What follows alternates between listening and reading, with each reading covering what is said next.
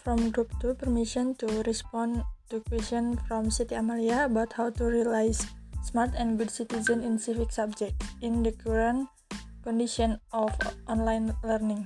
The strategy of implementing character education through portfolio-based multiple intelligences integrated into subject is an effort in the learning process.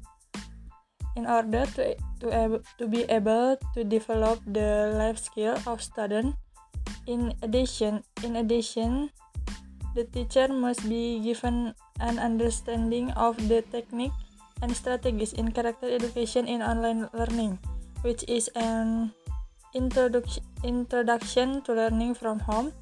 Teacher must try to be creative in exploring information and characteristics of student in determining learning models with expected learning outcomes in online learning.